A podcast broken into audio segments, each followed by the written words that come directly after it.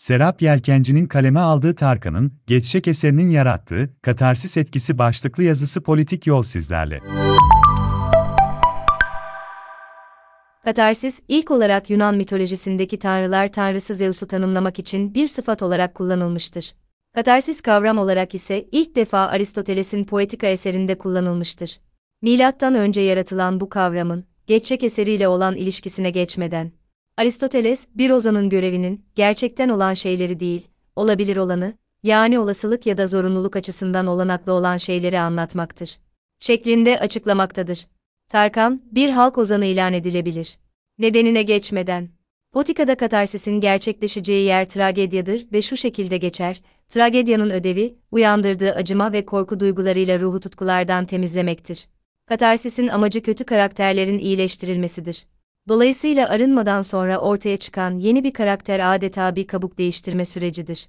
Aristoteles için arınma adeta sanatın amacıdır. Tarkan'ın klibinin bilgece bir atmosferi vardır.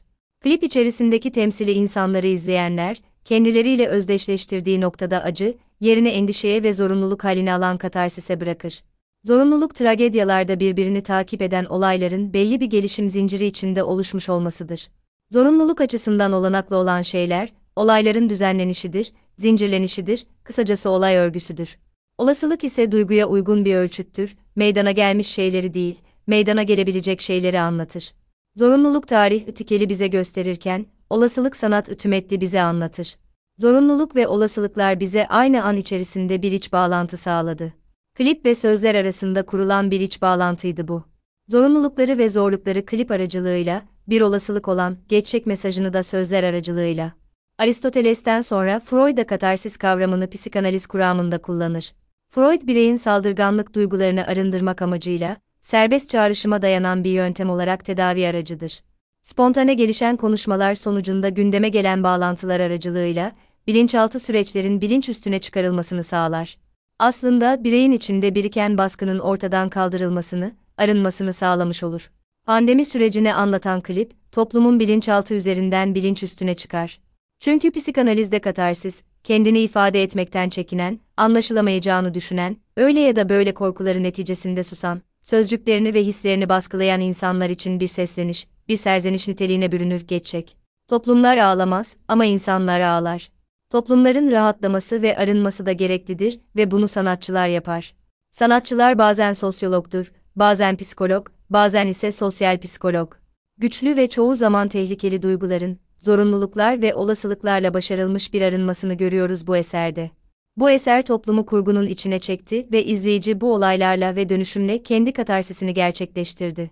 Kendi katarsisi ise toplumun bilinçaltını yansıttı.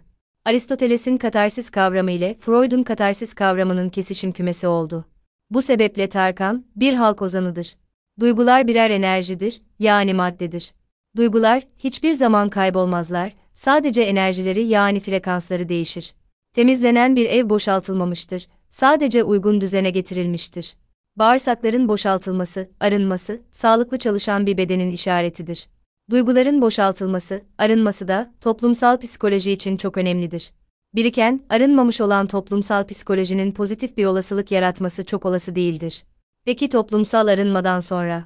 Bilinçaltı arınmış olan toplum, yeni bir umut, yeni bir karakter beklentisi içine girer. Muhalefet bloğu için çok önemli bir fayda sağladı aslında Tarkan, bir o kadar da lider boşluğunu işaret etti. Bakalım ne kadar süre içerisinde muhalefet toplumsal psikolojiyi yönetmeye geçecek.